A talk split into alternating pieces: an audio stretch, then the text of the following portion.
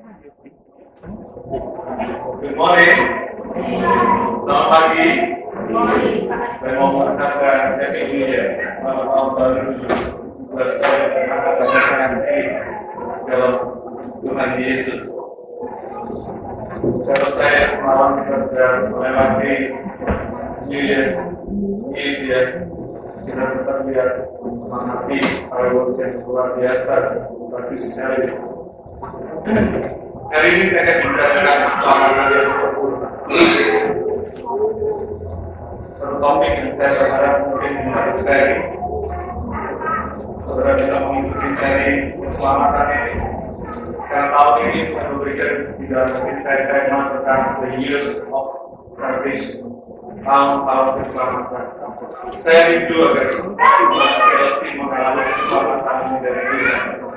Keselamatan secara roh, jiwa dan tubuh keselamatan roh yang akan membawa kita keluar dari kebinasaan kekal dan beroleh hidup yang kekal keselamatan jiwa yang akan membawa kita keluar dari pola pikir dan paradigma yang tidak alkitab hanya berpengaruh nilai-nilai values dari dunia ini keselamatan tubuh akan membawa kita keluar dari sakit penyakit kita dari tekanan-tekanan masalah yang menekan kehidupan kita Nah, pagi hari ini saya ingin mengajak saudara melihat apa yang bisa kita alami melalui keselamatan yang sempurna. Mari kita baca pertama Yohanes pasal 19 ayat yang ke-30. Yohanes 19 ayat yang ke-30. Sesudah Yesus meminum anggur asam berkatalah dia, sudah selesai. Lalu ia menundukkan kepalanya dan menyerahkan nyawanya. Saudara ini satu ayat yang diambil dari peristiwa kematian Tuhan Yesus di atas kayu salib 2000 tahun yang lalu di Golgota. Ketika itu Yesus terakhir, ketika itu dia mulai haus, dia minta minum, lalu seorang prajurit memberikan anggur asam kepada dia, tapi dia menolaknya. Kemudian setelah itu dia berkata, sudah selesai. Lalu dia menundukkan kepala dan menyerahkan nyawanya. Saudara, menarik sekali. Kata itu spirits itu di dalam bahasa Greek atau dalam bahasa Yunani yang disebut teleo. Sudah selesai. Diterjemahkan dalam bahasa Indonesia disebut sudah selesai. Itu spirits. Dalam bahasa Yunani disebut teleo. Nah, pada zaman Yesus, kata teleo ini sering dipakai oleh seorang hamba yang melaporkan tugasnya kepada tuannya. Jadi kalau seorang hamba sudah selesai tugas, sudah selesai mengerjakan tugas yang dia terima dari tuannya, dia akan menghadap kembali kepada tuannya yang berkata, Bos, Telio, sudah selesai. Tuan, sudah selesai. Sudah, apa yang Tuhan sudah tugaskan pada saya, sudah selesai. Itu yang dimaksudkan dengan kata Telio. Yohanes 14, Yohanes 17 ayat yang keempat mengatakan demikian. Aku telah mempermuliakan engkau. Maksudnya engkau ini apa? Di bumi dengan jalan menyelesaikan pekerjaan yang engkau berikan kepadaku untuk melakukannya. Saudara Yesus sudah melakukan tugas yang dia terima dari Bapa, yaitu melakukan keselamatan, melakukan tugas penebusan, ya, mati di kayu salib.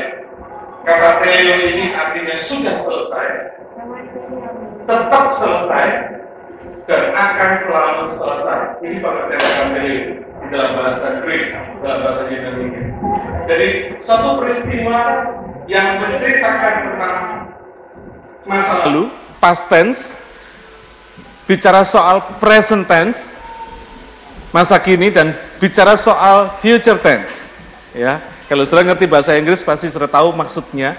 Jadi kata sudah selesai atau kata teleo ini berlaku dari masa lalu, masa kini maupun masa yang akan datang, tidak pernah berubah. Sekali selesai tetap selesai dan akan selalu selesai. Senantiasa selesai. Inilah pengertian kata teleo. Karena itu luar biasa sekali. Kalau sudah perhatikan, tidak ada satupun agama di dunia ini yang bisa mengatakan teleo ini. Semua agama di dunia ini, para pendiri agamanya selalu berbicara soal apa? Keselamatan ini. Semoga, betul nggak saudara? Semoga selamat. Semoga arwahnya diterima di sisi Tuhan yang Maha Esa. Kira-kira begitu. Tetapi ketika Yesus mati di atas kayu salib, dia pakai kata teleo ini artinya sudah selesai. Untuk urusan masa lalunya sudah selesai. Untuk urusan dosa masa lalu kita sudah selesai. Untuk urusan dosa masa kini kita sudah selesai. Dan demikian juga untuk urusan dosa yang akan datang pun sudah selesai. Jadi ketika dia lakukan penebusan di atas kayu salib ini, apa yang dia lakukan itu sekali sempurna, selesai untuk selama-lamanya. Tidak perlu lagi ada sesuatu yang perlu ditambah lagi. Ketika Yesus menyerahkan nyawanya di kayu salib, dia sudah bayar lunas segala tuntutan hukum Taurat, dia sudah bayar lunas segala tuntutan hutang dosa kita sesuai dengan hukum Taurat. Hukum Taurat berkata orang yang berdosa mesti mati. Yesus sudah menggenapi melalui kematiannya. Saudara, luar biasa. Nah, kalau tuntutan dan dosa hukum Taurat terhadap masa lalu kita, terhadap masa kini dan terhadap masa yang akan datang kita sudah diselesaikan oleh Tuhan dengan kata teleo tadi ini. Maka yang ada kira-kira dalam kehidupan orang Kristen apa saudara? Yang ada dalam kehidupan orang percaya apa? Kalau tuntutan hukum dosanya sudah tidak ada, baik untuk masa lalu, masa kini, dan masa yang akan datang. Tuntutannya sudah dipenuhi, sudah dibayar lunas. Tidak ada lagi yang perlu dibayar lagi. Jadi kalau gitu hidup orang Kristen ini penuh dengan apa saudara? Berkat, betul nggak? Hidup yang sudah diselesaikan oleh Tuhan Yesus, itu sesungguhnya adalah hidup yang penuh berkat, saudara. Ya, hidup yang luar biasa, hidup yang dahsyat banget. Ya Hidup yang indah sekali. Karena itu hidup orang Kristen itu bukan berdasar dengan apa yang dia kerjakan.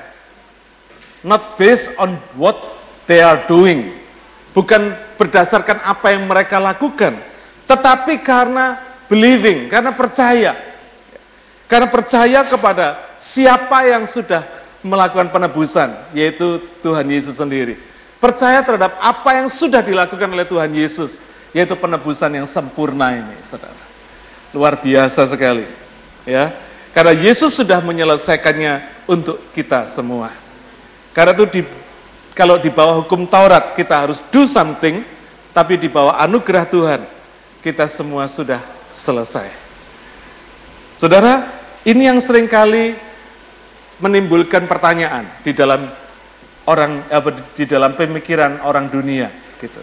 Lah kalau semua sudah selesai, semua yang mesti dikerjakan sudah selesai, lalu orang Kristen kerjanya apa? Kira-kira itu. Apa yang harus dilakukan di dalam kehidupan kekristenan ini? Di dalam ibadah kita kepada Tuhan ini apa yang kita mesti lakukan? Kalau everything is done, kalau semuanya sudah selesai, sudah dilakukan dan kita tidak perlu lakukan apa pun juga, tidak perlu ditambahi dengan doing something pun di dalam kehidupan kita untuk untuk memiliki keselamatan ini, maka kita fungsinya apa? Tugas kita apa dalam kehidupan beribadah kepada Tuhan ini? Saudara, inilah pentingnya. Saudara berbuat baik bukan supaya diselamatkan, tetapi karena saudara sudah diselamatkan, maka ciri orang yang diselamatkan adalah berbuat baik. Saudara memberkati orang lain bukan karena untuk supaya saudara diberkati, tidak. Saudara memberkati karena saudara sudah diberkati lebih dulu. Saudara berbuat menyucikan diri, menjaga kekudusan hidup saudara. Bukan supaya saudara dibenarkan, tetapi karena saudara sudah dibenarkan, sudah disucikan lebih dulu, karena itu saudara perlu menjaga kesucian saudara. Ada sebuah tanggung jawab dalam kehidupan ini untuk menjaga apa yang Tuhan sudah kerjakan buat kita. Amin.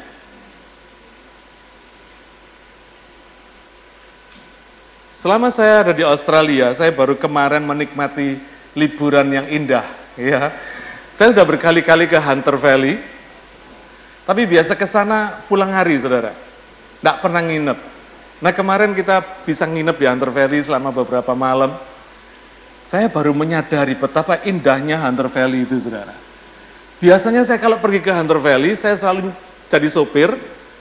Berangkatnya udah siang, udah agak siang ya, harus ngebut mencicil lihat jalan, Sampai di Hunter Valley cuma datang ke satu tempat, ada wine testing di sana, nunjukin orang-orang ini loh wine testing, gitu ya. Habis wine testing paling makan siang sebentar, habis itu balik lagi ke Sydney. Tidak sempat menikmati yang namanya Hunter Valley, saudara. Tapi kemarin ketika kami ada di sana beberapa malam, saya menikmati sekali. Ternyata Hunter Valley itu indah banget, saudara. Saya nggak promosi Hunter Valley, tapi maksud saya indah sekali. Ya. Jadi kalau saudara belum pernah nginep di Hunter Valley, saya sarankan saudara nginep. Jangan cuma datang pulang hari ikut tur rugi, saudara. Ya. Saudara nggak bisa mengeksplor semua yang ada di, di Hunter Valley itu. Bagusnya luar biasa, indahnya luar biasa. Nah, di Hunter Valley itu ada banyak sekali cottage-cottage, penginapan-penginapan, motel-motel, hotel, banyak sekali, saudara. Rata-rata harganya ya segitulah, gitu. Kira-kira semalamnya 100 something gitu. Tetapi yang terakhir ketika kami datang ke tempat satu tempat yang luar biasa sekali, harganya membuat kita terkejut, saudara. Satu malam untuk dua kamar 600 dolar. Mahal banget. Yang lainnya tidak bisa jual dengan harga segitu.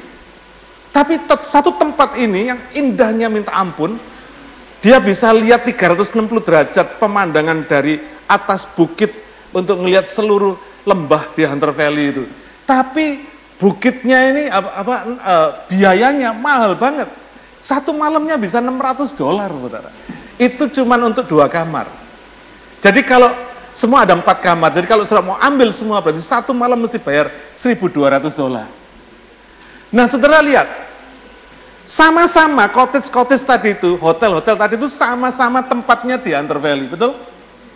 Tapi kenapa yang satu bisa jual 100 dolar, kenapa yang ini harus dibayar 1.200 dolar, baru bisa nginep di tempat ini? Apa bedanya? Sama-sama di Hunter Valley-nya. Nah, nangkep nggak saudara? Kenapa yang satu bisa bisanya jual mentok 100 dolar? Bahkan mungkin ada yang kurang dari 100 dolar.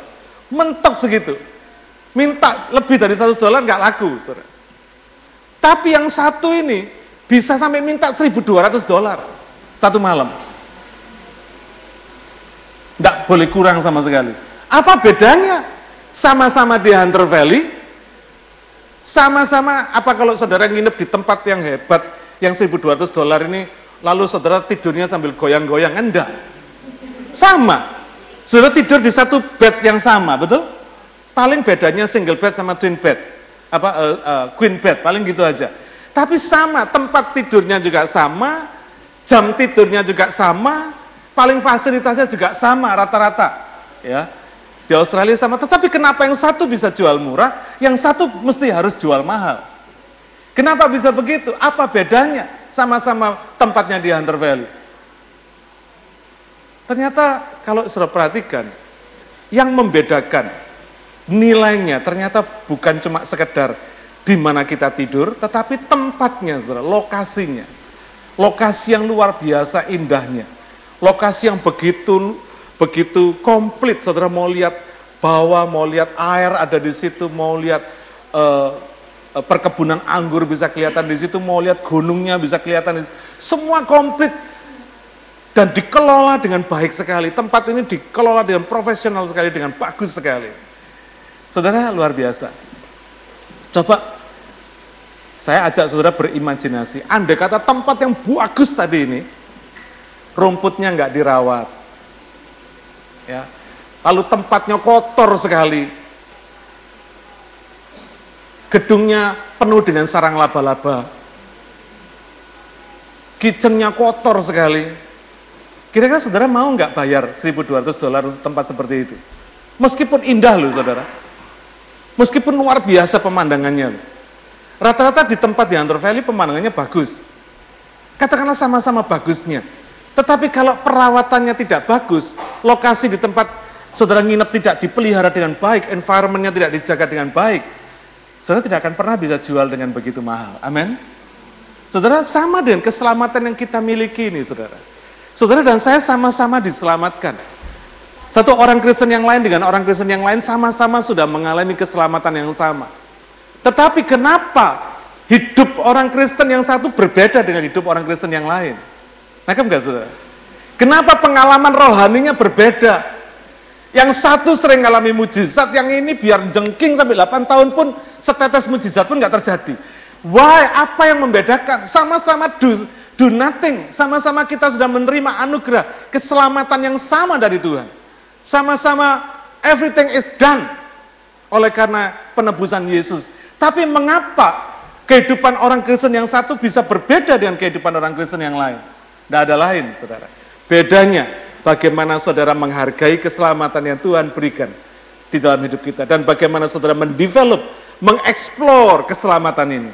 Sehingga saudara menikmati kehidupan di dalam keselamatan ini dengan luar biasa. Amin. Saudara, tidak ada cara untuk saudara bisa mengeksplor kesempatan keselamatan ini. Kecuali satu, saudara dekat sama Tuhan. Kecuali saudara taat sama Tuhan, kecuali saudara menjadi sahabat Tuhan kecuali saudara betul-betul mengikuti firman Tuhan. Ketika saudara bersama dengan Tuhan, saudara in line dengan Tuhan, saudara ikut apa yang Tuhan sampaikan, pengalaman keselamatan saudara pasti berbeda. Saudara akan mengalami pengalaman keselamatan yang luar biasa dari Tuhan. Amin. Hari ini saya rindu supaya kita semua mengalami keselamatan ini mengalami kesempurnaan dari keselamatan ini di dalam kehidupan kita. Saya percaya saudara, kalau keselamatan yang diberikan kepada Tuhan, yang diberikan oleh Tuhan kepada kita itu sempurna, maka saya percaya berkat yang ada di dalam keselamatan itu, berkat yang dikandung di dalam keselamatan itu pun juga sempurna. Saya percaya itu.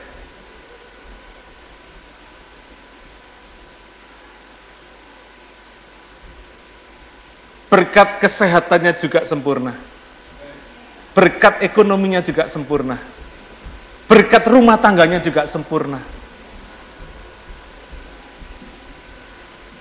Saya percaya, karena semua ada di bawah anugerah Allah yang sama. Kalau sam sampai ada sesuatu yang nggak beres di dalam kehidupan kekristenan kita, pasti bukan karena keselamatannya kurang sempurna, betul? Tetapi karena kita mengeksplor kesempat, ke, apa keselamatan itu tidak dengan sungguh-sungguh.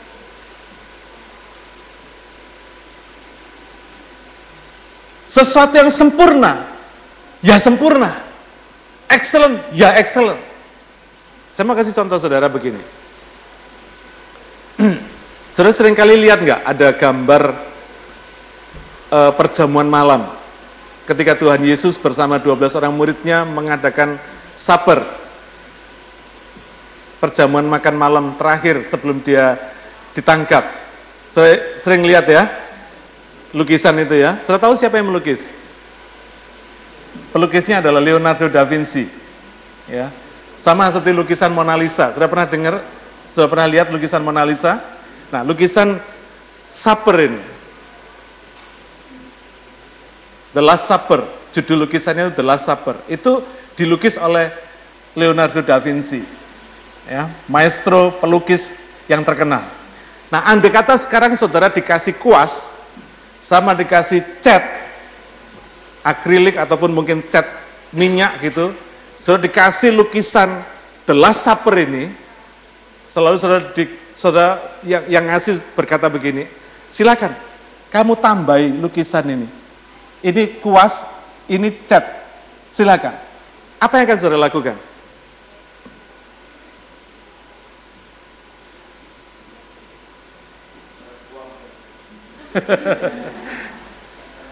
Sudah belum ngerti maksud saya? Udah ya? Jadi andai kata, ini berandai-andai. Saya ingin mengajak saudara untuk berpikir. Untuk supaya kita mengerti prinsip keselamatan yang sempurna. Andai kata di sini ada lukisan Leonardo da Vinci tadi itu lukisan The Last Supper tadi itu. Lalu saya berikan kuas sama saudara. Jemaat CLC yang kekasih, saya kasih saudara kuas. Sama ini oil painting, cat, cat uh, apa, gambar. Tolong silakan, saudara mau bikin sesuatu apa di gambar Supper ini, di lukisan ini. Saudara akan lakukan apa? Hah? Ada yang berani menambahkan sesuatu goresan sedikit pun di lukisan ini? Kenapa? Karena saudara tahu bahwa apa pun yang saudara lakukan, segores apa pun kuas yang saudara lakukan, yang saudara tambahi di, dal di dalam lukisan Last Supper dari Leonardo da Vinci tadi, bukan tambah bikin lukisannya tambah bagus, tapi tambah jelek, betul nggak saudara? Karena sudah berkata, wih ini lukisan sudah dilukis oleh sang maestro. Saudara bukan pelukis, saudara nggak ngerti cat, nggak ngerti ngelukis, tapi sudah di, di, dikasih kesempatan untuk nambahin sesuatu, saudara nggak akan berani, betul? Karena sudah tahu apa pun yang saudara akan lakukan akan merusak nilai lukisan ini, karena lukisan ini sudah dilukis oleh Leonardo da Vinci. Dan tidak perlu ditambahi, karena lukisan ini sudah sempurna, betul? Sampai hari ini, lukisan The Last Supper ini, tidak ada satupun orang yang berani nyentuh, saudara. Ya, karena lukisan ini sudah sempurna. Demikian juga keselamatan yang Tuhan Yesus berikan dalam hidup kita. Amin. Tidak ada yang perlu ditambahi lagi, saudara. Karena it is done. Yang menyelesaikan adalah Allah sendiri. Bukan manusia, Allah sendiri yang jadi manusia. Karya keselamatannya sudah sempurna. Tidak ada yang perlu ditambahi lagi, nggak ada yang perlu diselesaikan lagi. Saudara tidak bisa menambahkan sesuatu apa pun terhadap karya yang telah sempurna. Amin. Saudara tidak akan bisa menyelesaikan apa pun untuk satu pekerjaan yang sudah selesai. Sesuatu yang sudah selesai, saudara mau selesaikan apa lagi? Sudah selesai.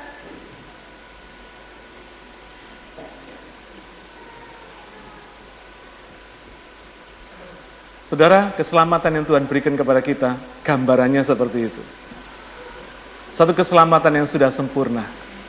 Sudah diselesaikan dengan sempurna oleh Tuhan sendiri dalam kehidupan kita. Kita nggak perlu lakukan apa pun juga. Nggak perlu ditambah apa pun juga. Jadi saudara, ada banyak prinsip kekristenan yang sering kali salah. Kalau kamu mau diberkati Tuhan, maka kamu harus doa puasa. Lah kamu saya doanya nggak didengar Tuhan, karena apa? Nggak pakai puasa kurang doa puasa dan sebagainya. Salah. Pemikiran itu sebetulnya salah, saudara. Kita doa puasa karena kita sudah diberkati Tuhan. Kita doa puasa karena kita ingin lebih fokus sama Tuhan. Bukan supaya kita diberkati oleh Tuhan. Nangkep nggak, saudara? Nggak ada satupun yang bisa kita bayar untuk mendapatkan sesuatu anugerah yang dari Tuhan. Nggak bisa. Karena anugerah yang dari Tuhan, baik itu anugerah keselamatan maupun anugerah pengabulan doa kita, tetap prinsipnya sama. Karena apa? Pemberian Allah. Bukan karena kebaikan kita, bukan karena kehebatan doa puasa kita, maka kita diberkati. Bukan. Tetapi kita doa puasa karena kita ingin lebih fokus sama Tuhan, lebih tahu kehendak Tuhan, lebih nurut sama Tuhan, lebih mau tunduk kepada firman Tuhan, lebih mau mengikuti dan mentaati firman Tuhan. Itu tujuan doa puasa. Bukan supaya kita diberkati, karena kita sudah diberkati, maka kita doa puasa.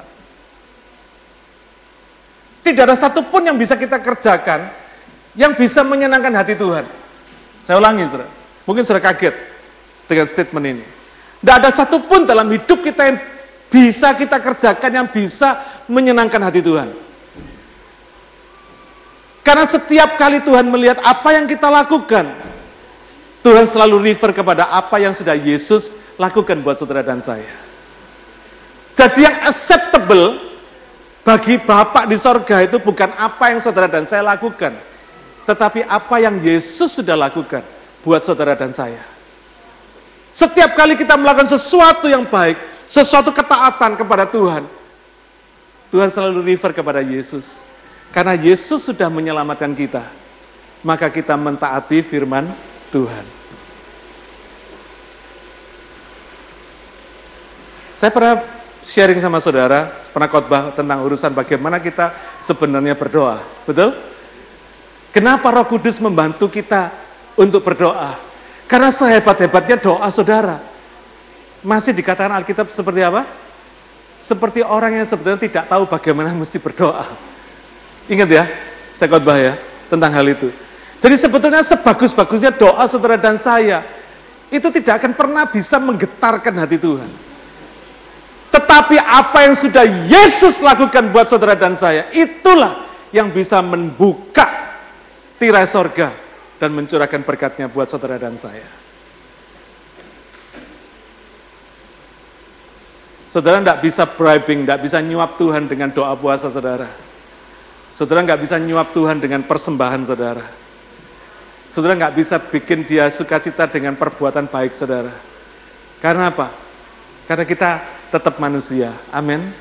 Tetapi ketika Bapak itu melihat Yesus, jadi segala yang kita lakukan itu dilihat oleh Bapak di dalam kerangka, di dalam kacamata apa yang sudah Yesus lakukan di dalam kehidupan kita. kita berkenan kepada dia. Karena Yesus sudah mati buat saudara dan saya. Makanya hari ini kita bisa berkenan kepada dia. Hari ini kita bisa dibenarkan oleh Tuhan. Hari ini kita bisa disucikan oleh Tuhan. Karena apa yang Yesus sudah lakukan buat saudara dan saya.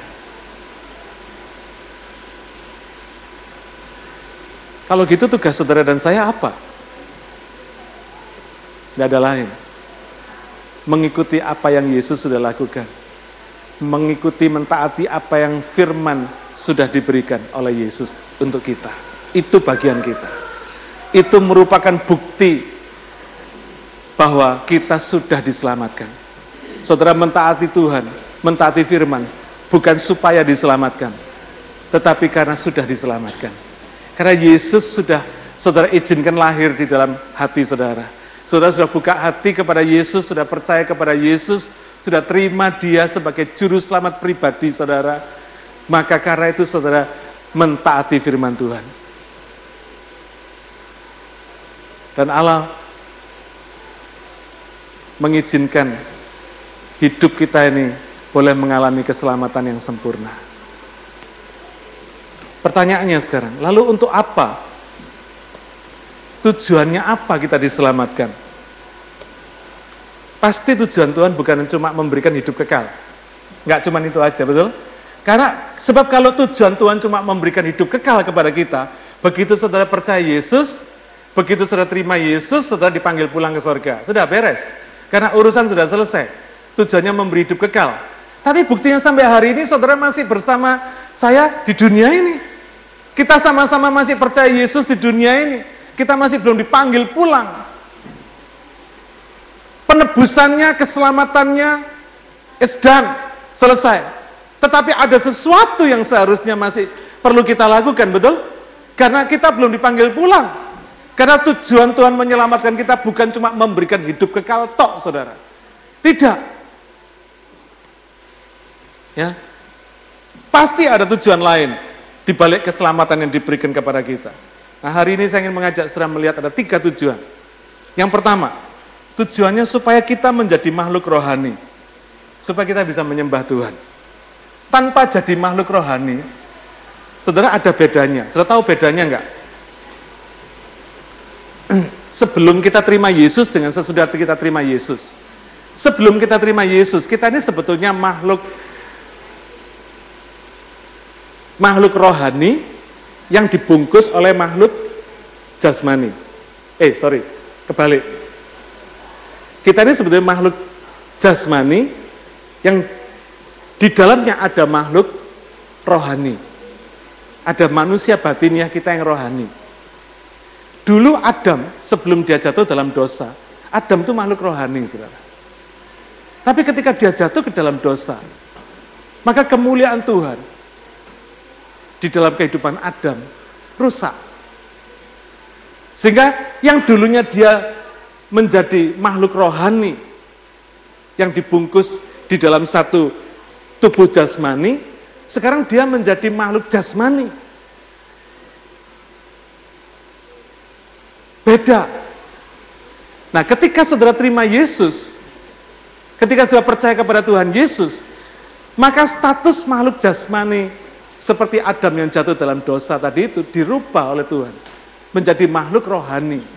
Jadi kita ini sesungguhnya statusnya di hadapan Tuhan, orang percaya itu adalah orang rohani yang dibungkus dengan jasmani.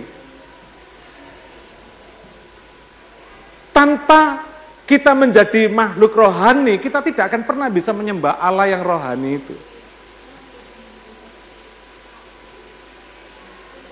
Karena itu kenapa orang mencari Tuhan? Karena orang menganggap Tuhan itu sesuatu yang dia tidak ngerti. Dia tidak tahu. Masih kira-kira, saudara. Tetapi kita orang Kristen, kita anak Tuhan, kita ngerti siapa dia. Kita kenal betul siapa Tuhan yang kita sembah. Karena itu kita bisa sebut dia sebagai Bapak. Ketika Tuhan menyelamatkan kita, ketika kita menerima keselamatan, kita mengalami karya keselamatan, Tuhan Yesus yang sudah dilakukan Tuhan sebetulnya 2000 tahun yang lalu untuk saudara dan saya. Maka ketika itulah hidup kita dirubah dari manusia jasmani menjadi manusia rohani.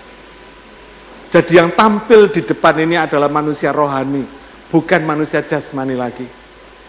Sehingga kita bisa mengenal Allah, kita bisa menyembah dan beribadah kepada Allah. Karena kita makhluk rohani. Saya ingin mengajak saudara baca 1 Korintus 2 ayat 12 sampai 14 supaya kita ngerti prinsipnya.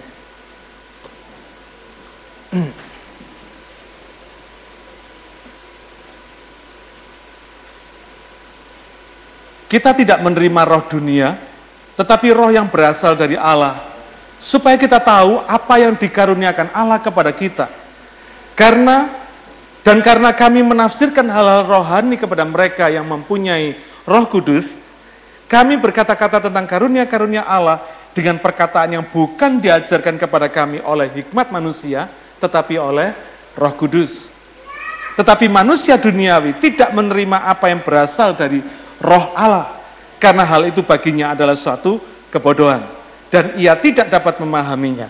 Sebab hal itu hanya dapat dinilai secara rohani. Saudara, hal pertama yang Tuhan kerjakan dalam hidup kita, itu adalah memulihkan status manusia rohani ini.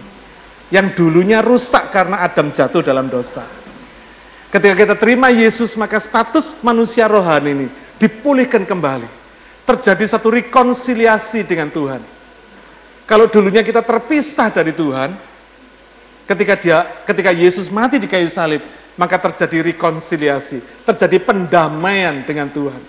Terjadi persatuan kembali, terjadi perubahan status di dalam kehidupan kita. Karena itu dikatakan dalam Alkitab dikatakan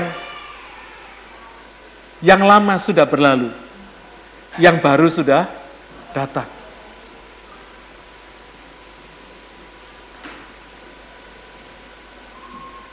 Saudara harus tahu ketika saudara percaya Yesus, maka ada status yang baru dalam kehidupan saudara. Saudara nggak lagi jadi Agus yang lama, tapi jadi Agus yang baru. Amin.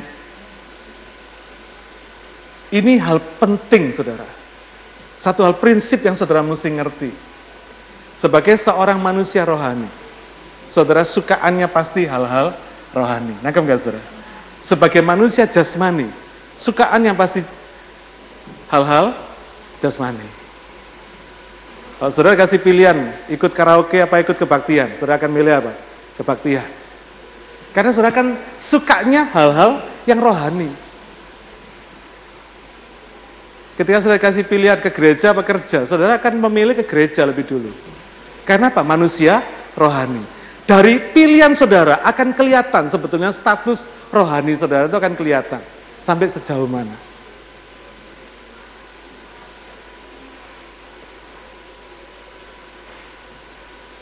Kalau saudara jadi manusia rohani, saudara dikasih pilihan nonton film Korea, film seri Korea, atau baca firman Tuhan. Saudara kan milih baca firman Tuhan. Saudara tidak akan tertarik sama hal-hal yang sifatnya begitu. Saudara akan tertarik kepada hal-hal yang sifatnya rohani. Yang bisa membangun kehidupan rohani saudara. Ya. Yesus ingin, Yesus menebus kita untuk memulihkan kita ke kodrat yang sesungguhnya. Ke hakikat kita yang sebenarnya. Yaitu manusia rohani. Karena kita berasal dari Allah. Allah itu roh maka kita menjadi manusia rohani. Amin. Yang kedua, tujuan yang kedua, apa tujuan Tuhan menyelamatkan kita? Supaya kita bisa menikmati segala berkat yang Tuhan sediakan di bumi ini. Saya mau kasih tahu saudara, kalau saudara nanti sudah masuk surga, saudara nggak perlu lagi berkat di bumi ini, betul? Selama saudara masih hidup di bumi ini, selama Tuhan izinkan kita belum dipanggil pulang ke surga untuk dapat hidup kekal di sana, ketika kita di bumi ini Tuhan ingin memberikan kepada kita segala berkat yang Tuhan sudah sediakan di bumi ini. Di bumi ini sudah perlu duit nggak? Perlu. Siapa yang bilang nggak perlu? Kalau saya nggak perlu duit, duit saudara kasihkan saya aja. Saya masih perlu. Saudara, selama kita hidup di bumi ini, kita masih perlu, saudara, berkat Allah yang ada di bumi ini. Saudara mau jalankan mobil perlu petrol, petrolnya perlu dibeli sama duit. Saudara pasti perlu duit, saudara. Saudara masih perlu kesehatan yang sempurna di bumi ini, betul? Saudara masih perlu pekerjaan. Saudara masih perlu jodoh, betul nggak? Di surga saudara nggak perlu jodoh. Saudara nggak akan ribut jodoh di surga. Di sini saudara masih ribut jodoh. Begitu umur sudah bertambah, saudara mulai panik. Di surga udah nggak perlu panik lagi, karena Pak, itu sudah nggak perlu lagi di surga. Dikatakan Alkitab di surga udah nggak ada lagi orang yang kawin dan mengawinkan. Tidak ada lagi, saudara. Tidak perlu itu. Jadi ketika saudara ada di bumi ini, maka kesempatan saudara menikmati berkat Tuhan di bumi ini, yaitu karena saudara sudah diselamatkan. Saya percaya berkat orang yang sudah diselamatkan, itu lebih daripada orang yang belum diselamatkan. Orang yang belum diselamatkan mungkin bisa lebih kaya dari yang sudah diselamatkan. Bisa nggak? Bisa. Orang nggak kenal Yesus pun bisa lebih kaya raya dari yang kenal Yesus. Tetapi dia tidak bisa menikmati berkat terbesar yang bisa dinikmati oleh orang yang sudah diselamatkan. Karena apa saudara? Karena tidak semua bisa dibeli sama uang. Amin. Orang bisa kaya raya lebih daripada orang yang diselamatkan. Orang dunia bisa lebih kaya, lebih jadi konglomerat daripada yang sudah diselamatkan. Bisa lebih kaya. Tetapi kekayaannya tidak bisa membeli sesuatu yang bisa dimiliki oleh orang percaya dengan cuma-cuma. Apa itu saudara? Sukacita. Damai sejahtera.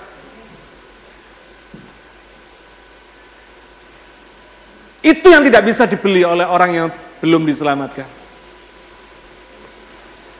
Einstein pernah berkata, di dalam hidup manusia ini ada satu ruang yang tidak bisa diisi dengan apa pun juga. Tidak bisa diisi dengan uang, tidak bisa diisi dengan ke, uh, kedudukan, tidak bisa diisi dengan reputasi, tidak diisi dengan segala yang kita punya. Ruang itu cuma bisa diisi dengan Tuhan. Karena itu miliknya Tuhan. Uang tidak bisa beli segalanya. Jadi kalau hari ini saudara pikir uang segalanya, saudara salah besar. Saudara tidak akan bisa mengeksplor. Selama saudara jadi orang Kristen masih mikir uang adalah segalanya, saudara tidak akan pernah bisa mengeksplor tidak akan bisa menikmati berkat keselamatan yang sempurna itu. Tidak akan. Karena saudara terkotak dengan apa? Dengan uang tadi itu. Begitu uang saudara berkurang, saudara khawatir. Saudara takut akan masa depan saudara. Semua yang dipikirin saudara mesti koridornya duit. Gitu ya. Datengin duit enggak? Mau berteman datengin duit enggak? Wah yang ini bolu ini nggak punya duit, percuma, nggak boleh dijadikan teman. Karena apa? Nggak bisa bawa duit. So tidak akan bisa mengeksplor berkat Tuhan yang sempurna. Karena apa? Karena pikiran kita masih dikotain sama duit.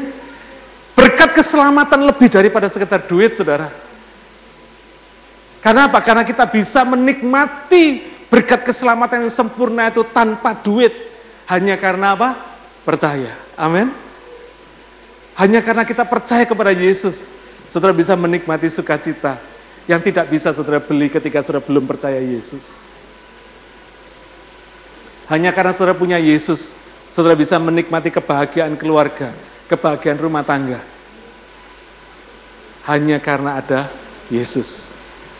Saudara mau kawin sama siapa pun juga, sama bintang film, sama aktor aktris yang paling ganteng, yang paling cantik pun tanpa Yesus, saudara tidak akan pernah bisa punya sukacita. tidak akan bisa punya damai sejahtera dalam hidup ini. Hanya orang yang punya Yesus, yang sudah diselamatkan oleh Yesus, dia bisa menikmati berkat keselamatan yang sempurna, yaitu apa? Sukacita. Karena itu Tuhan berkata, biarlah sukacitaku penuh di dalam kamu. Amin. Saudara, sehebat-hebatnya dunia ini kasih sukacita kepada saudara, tidak akan pernah bisa menandingi Tuhan yang memberikan sukacita kepada saudara. Haleluya. Tujuan yang kedua, supaya kita bisa menikmati segala berkat yang Tuhan sediakan di bumi. 1 Korintus 2 ayat yang ke-9 berkata, Tetapi seperti ada tertulis, apa yang tidak pernah dilihat oleh mata, dan tidak pernah didengar oleh telinga, dan yang tidak pernah timbul di dalam hati manusia, semua yang disediakan Allah untuk mereka yang mengasihi dia. Saudara, selama apa yang bisa dilihat oleh mata ya ada di bumi ini. Selama apa yang bisa didengar oleh telinga ya ada adanya di bumi ini. Selama masih bisa dipikirkan ya adanya di bumi ini. Tapi yang Tuhan sediakan adalah berkat di sorga yang tidak ada di bumi ini. Itu yang bisa dinikmati oleh kita, orang yang sudah diselamatkan ini. Jadi meskipun kita hari ini belum masuk surga, tetapi kita sudah bisa menikmati suasana surganya, damai sejahteranya dalam hati kita, dan kita sudah menikmati berkat sorgawinya yang luar biasa melampaui akal pikiran kita, yang tidak pernah dilihat mata dan tidak pernah didengar telinga, bahkan tidak pernah terbit dalam hati manusia di bumi ini. Selama kita hidup di bumi ini, kita punya kesempatan menikmati berkat sorgawi yang Tuhan sediakan buat kehidupan kita. Amin. Haleluya, saudara. Karena itu saya saya kasih tahu saudara, rugi kalau saudara hidup jadi orang Kristen cuma bingung urusan berkat duniawi ini, rugi saudara. Itu di, di dalam kitab Matius dikatakan itu semua sama yang seperti yang dicari oleh bangsa-bangsa lain yang tidak mengenal Allah, ya kan? Kuatir akan apa yang kita makan, apa yang akan kita minum, akan apa yang kita pakai, itu sama. Itu semua dicari oleh bangsa-bangsa yang tidak mengenal Allah. Dengan kata lain, kalau kita hidup sebagai orang yang sudah diselamatkan hidup, saudara masih penuh dengan kekhawatiran, itu tandanya saudara belum mengeksplor berkat keselamatan yang sempurna itu. Saudara belum bisa menikmati berkat keselamatan yang sempurna itu.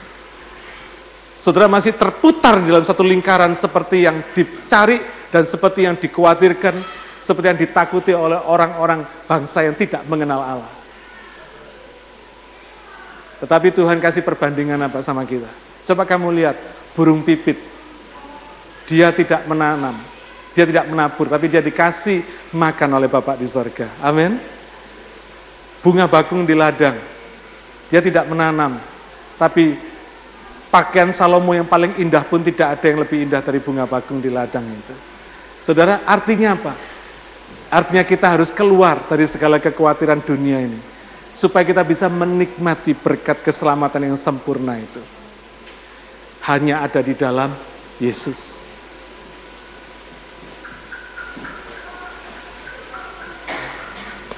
Yang ketiga, supaya kita bisa dipakai Tuhan untuk membagikan berita keselamatan ini kepada orang lain. Saudara kemarin saya saya khotbah dalam khotbah akhir tahun saya Hidup orang yang berbahagia itu bukan apa yang saudara bisa nikmati sendiri. Tapi saudara akan berbahagia kalau saudara bisa share dengan orang lain. Betul? Kenapa kita makan kalau rame-rame rasanya lebih enak? Padahal yang dimakan sama. Kenapa kalau kita pergi rame-rame rasanya enak sekali? Padahal perginya sama. Ayo coba saudara pergi sendirian. Pergi ke Hunter Valley sendirian. Jalan, jalan sendirian. Tola, toleh, lihat-lihat di sana Beda dengan kalau sudah pergi ke sana dengan suami, istri, anak-anak saudara, dengan teman-teman. Lain kan? Lain kan? Saudara, karena itu keselamatan itu, berita keselamatan itu mesti dibagikan ke orang lain. Saya percaya saudara, orang pelit itu tidak akan pernah mau bagikan keselamatan bagi orang lain. Pelit itu nggak cuma bicara soal duit loh saudara. Tapi termasuk concernnya. Orang pelit itu biasanya egonya tinggi. Yang penting buat gua. Gua enak, lu nggak enak, terserah. Orang yang seperti ini, orang ego seperti ini, tidak akan pernah bisa menikmati berkat keselamatan yang sempurna. Karena berkat keselamatan saudara bisa dieksplor, saudara bisa menikmati damai sejahtera dan sukacita yang besar di dalam Tuhan. Kalau saudara bagi berkat keselamatan ini kepada orang lain, saudara. Ketika saudara menceritakan berkat keselamatan saudara kepada orang lain, maka hati saudara penuh dengan damai sejahtera. Saudara akan penuh dengan sukacita. Saudara akan berkata, oh lain loh. Saya dulu waktu belum kenal Yesus sama sekarang saya kenal Yesus beda sekali.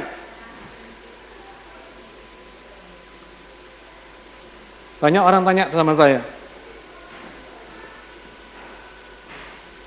Pak, gimana caranya supaya saya nanti tidak dianggap nggak solider? Ya. Kita sering kali ada dalam bahasa Inggris disebut peer pressure. Sudah pernah ngerti maksudnya peer pressure? Jadi kalau sudah punya teman-teman, saya dulu nakal, sudah waktu saya sekolah nakal. Teman-teman saya tuh nakal-nakal juga, ya toh? Orang nakal tuh pasti punya habitat nakal, sudah. Ya. Orang yang tidak nakal tidak mungkin tahan di dalam kehidupan anak-anak nakal. Jadi yang bisa tahan di dalam kehidupan anak-anak nakal, ya pasti nakal. Gitu. Nah, peer pressure ini begini, maksudnya begini. Ketika dulu saya masih muda, ketika dulu masih SMA, teman saya ngomong gini, kamu kalau nggak ngerokok, nggak jantan kamu. Saya ngerti maksudnya? Jadi ketika teman-teman saya ngerokok, kalau saya nggak ikut rokok, saya merasa apa? Enggak jantan. Kamu kalau enggak pernah nyewek, enggak jantan kamu. Artinya kalau enggak pernah coba main perempuan, enggak jantan. Jadi ketika teman-teman ini pergi ke tempat pelacuran, kalau saya enggak pergi ke tempat pelacuran, bisa terjadi peer pressure. Nangkep enggak, saudara? Ada satu tekanan dalam kehidupan mental kita ini yang merasa agak jantan. Kejantanan perlu dibuktikan. Itu namanya peer pressure, saudara.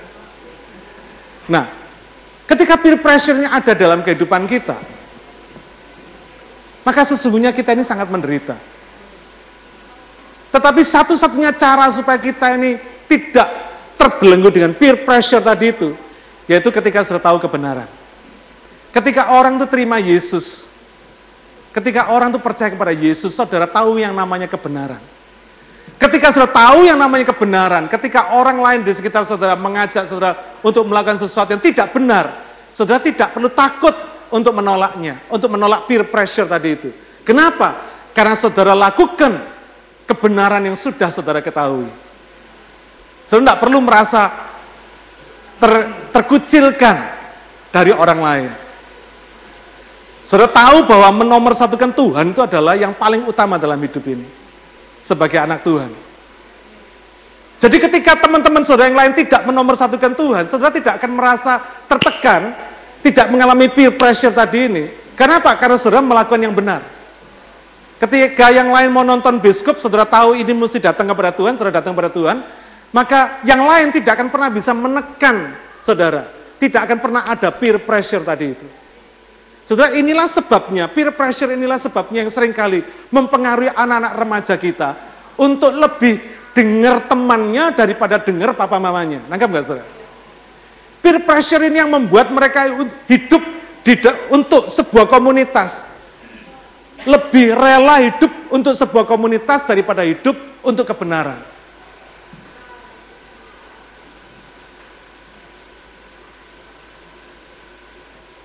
Saya dulu sebagai pemimpin anak nakal, saya sering kali melakukan peer pressure seperti ini. Kalau kita menghadapi lawan, saya ngomong gini sama mereka, yang berani ngantem duluan jago. Jadi yang lainnya meskipun tidak berani, memberanikan diri saudara. Maju duluan, padahal dia tidak berani sebetulnya. Nangkep nggak saudara? Ini yang namanya peer pressure. Tapi ketika sudah ngerti kebenaran, sudah tidak akan pernah tertekan lagi dengan peer pressure seperti ini. Ketika sekeliling-sekeliling saudara korupsi, kalau saudara nggak ikut korupsi, ada, ada peer pressure ini. Tetapi ketika kita mengenal kebenaran, tidak ada lagi tekanan itu dalam hidup kita. Karena kita tahu apa yang kita lakukan benar.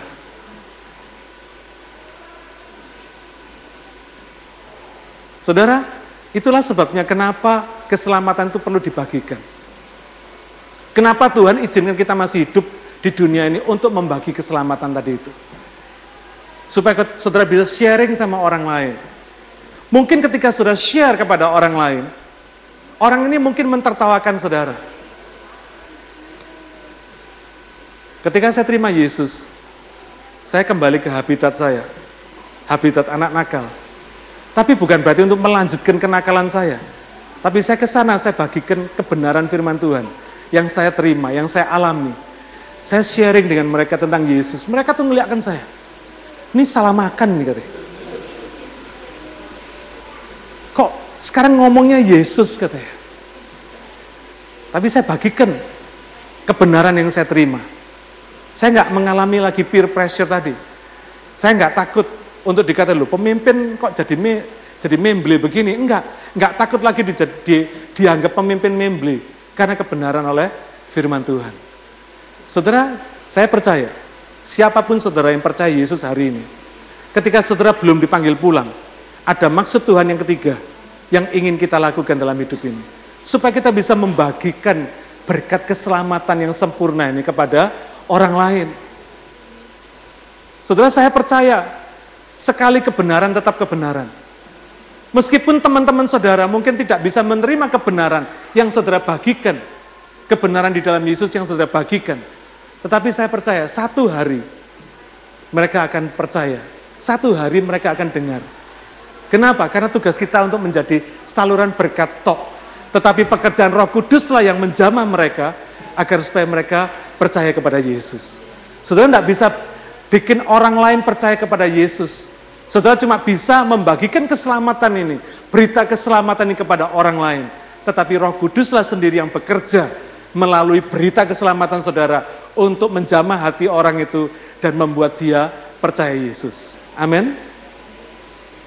Tugas saudara yang pertama, jadi tujuan Allah menyelamatkan saudara yang pertama adalah merubah status rohani saudara, memulihkan keadaan yang sebenarnya, memulihkan kodrat yang sesungguhnya menjadi manusia rohani. Yang kedua, supaya kita bisa menikmati berkat sorgawi sementara kita masih hidup di dunia ini. Yang ketiga, supaya kita boleh menjadi saluran berkat.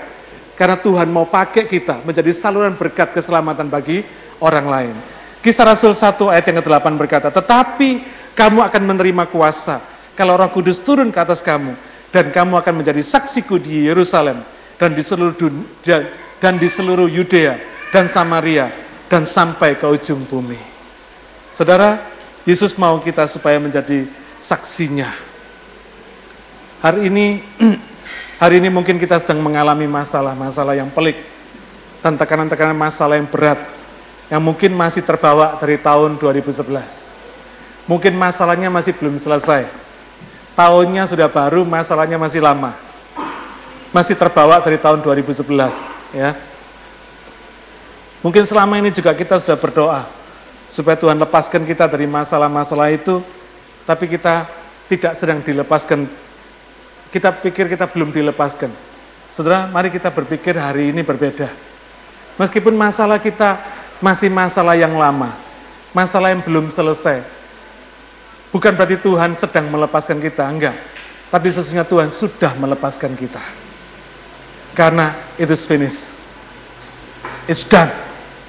Ya. Teleo tadi yang Tuhan sudah berikan kepada kita. Kalau mungkin hari ini saudara sedang bergumul dengan sakit penyakit, jangan pernah berpikir bahwa Tuhan sedang menyembuhkan saudara. Percayalah bahwa Tuhan sudah menyembuhkan saudara. Amin. Yesaya 53 ayat yang kelima berkata, tetapi dia tertikam oleh karena pemberontakan kita. Dia diremukkan oleh karena kejahatan kita. Ganjaran yang mendatangkan keselamatan bagi kita ditimpakan kepadanya. Dan oleh pilu-pilunya kita menjadi sembuh. Saudara sedang mengandung kesembuhan Tuhan. Ya, Karena itu saudara mesti rileks dan beristirahat, santai. Terima karya keselamatan Tuhan yang sempurna. Karena sesungguhnya saudara sudah diselamatkan, sudah disembuhkan. Kita hidup bukan dengan apa yang harus kita kerjakan, tetapi kepada siapa kita harus percaya. Karena dia sudah kerjakan buat kita semua. Amin. Hari ini kita sudah belajar satu perkara. Keselamatan kita itu sempurna.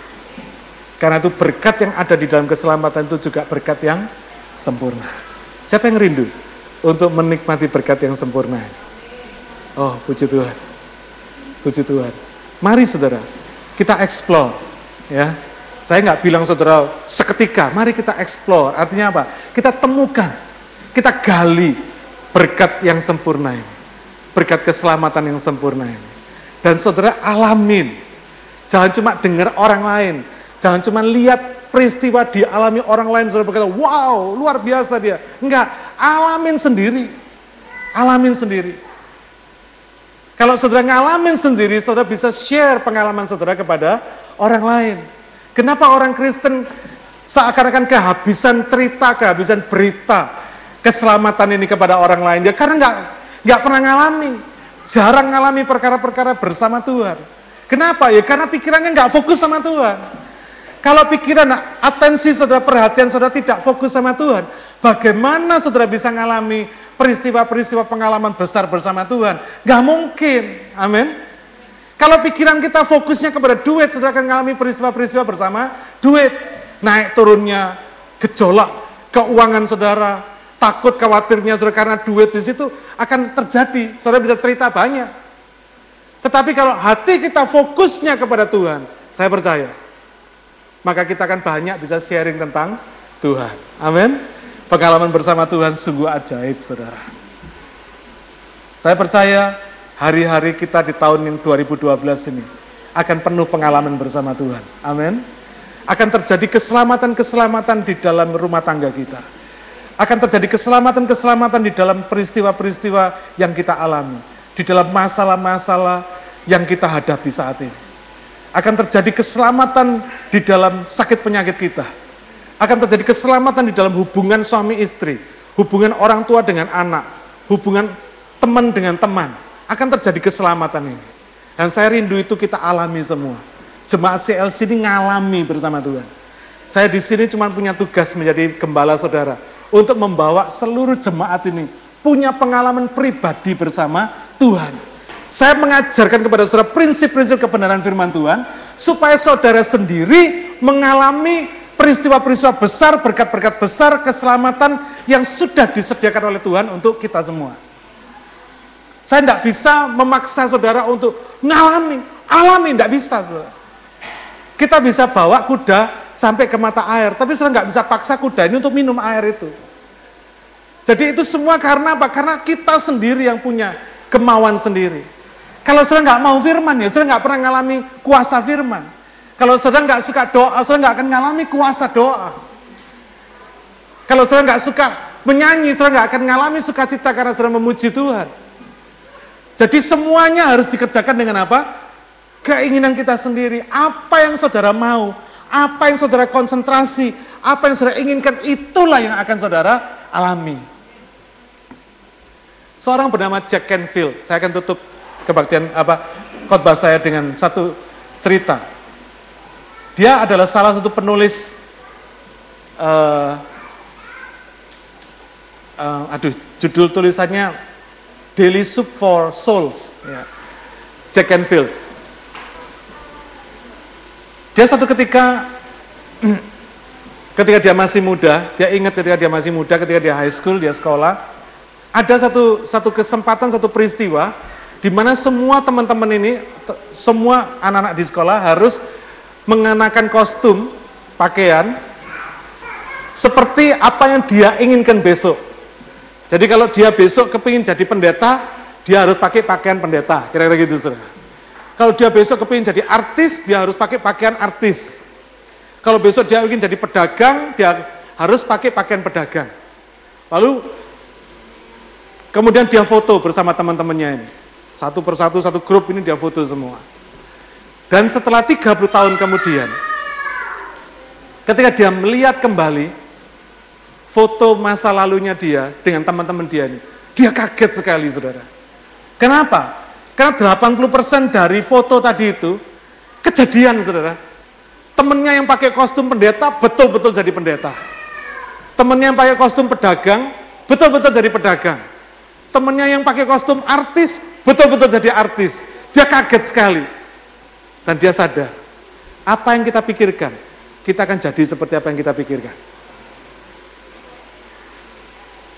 Kalau hari ini saudara fokusnya sama Tuhan, Fokus saudara untuk melihat dan meng, meng, mengalami kuasa Tuhan.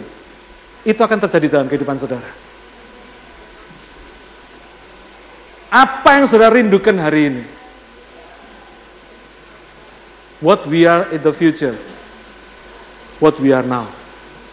Apa yang saudara lakukan hari ini? Saudara akan jadi seperti apa untuk di masa depan saudara. Karena itu saudara, kalau tahun 2011 fokus saudara bukan Tuhan, mosok pada tahun 2012 ini fokus saudara juga tetap sama? Rugi saudara. Kalau tahun 2011 yang lalu fokus saudara cuma duit, tahun 2012 ini rubahlah fokus saudara. Supaya saudara mengalami sesuatu yang berkat yang lebih dari sekedar duit. Rubahlah fokus saudara untuk Tuhan. Dan saudara akan mengalami berkat keselamatan yang sempurna itu saudara akan explore berkat keselamatan yang sempurna itu. Dan saudara akan amazed. Saudara betul-betul akan terheran-heran. Ternyata berkat keselamatan dari Tuhan itu jauh lebih besar daripada berkat yang bisa disediakan oleh dunia ini. Hari ini saya tantang saudara. Ini adalah hari pertama tahun 2012. Resolusi apa yang saudara punya hari ini? Apa yang saudara tetapkan keputusan apa yang saudara ambil hari ini untuk the whole years, untuk 366 hari yang akan saudara lalui di tahun 2012 ini. Kalau fokus saudara masih sama seperti tahun 2011, saya mau kasih tahu saudara, tidak usah terlalu berharap banyak. Karena nanti apa pengalaman 2011 akan terulang kembali 2012. Nah, kan enggak saudara maksudnya? Paling top saudara akan mengalami seperti yang saudara alami di tahun 2011. Itu kalau fokus saudara sama dengan tahun 2011. Tapi saya anjurkan saudara, fokus saudara rubah. Fokuskan hidup, hati, pikiran saudara kepada Tuhan. Cari Tuhan lebih nomor satu daripada cari pacar. Cari Tuhan lebih nomor satu daripada cari duit. Nanti saudara akan alami. 2012 ini pasti beda dengan pengalaman saudara di tahun 2011. Saya mau kasih tahu saudara, tidak ada apa-apanya pengalaman 2011 dibandingkan dengan pengalaman 2012 yang akan saudara alami. Kalau dengan catatan, hati pikiran saudara fokus kepada Tuhan. Cari Tuhan nomor satu. Jangan terlalu banyak excuse. Ya, saya mau kasih tahu saudara. Saya ngomong belak-belakan aja. Orang Kristen banyak excuse-nya. Banyak alasannya, saudara. Nanti anak dibikin alasan Kerjaan dibikin alasan. Sakit boyok sedikit dibikin alasan. Segala sesuatu penuh dengan alasan. Nanti isinya saudara juga alasan, saudara. Dapat berkat ya berkat alasan, saudara. Tapi kalau kita mulai tetapkan hati pikiran kita, untuk kita mau jadi orang excellent, cari Tuhan nomor satu. Nomor satu kan Tuhan. Nanti lihat berkat saudara juga excellent. Pengalaman saudara tahun 2012 pasti excellent karakter saudara pasti excellent. Amin. Siapa yang mau rindu? Siapa yang berkata, Tuhan aku mau fokus tahun 2012 ini fokus sama Tuhan. Bukan fokus pacar, bukan fokus kerja, bukan fokus yang lain. Tapi fokus sama Tuhan. Haleluya. Saya ucapkan selamat menikmati berkat yang sempurna di tahun 2012 ini. Haleluya. Haleluya. Praise God. Haleluya. Mari kita berdoa.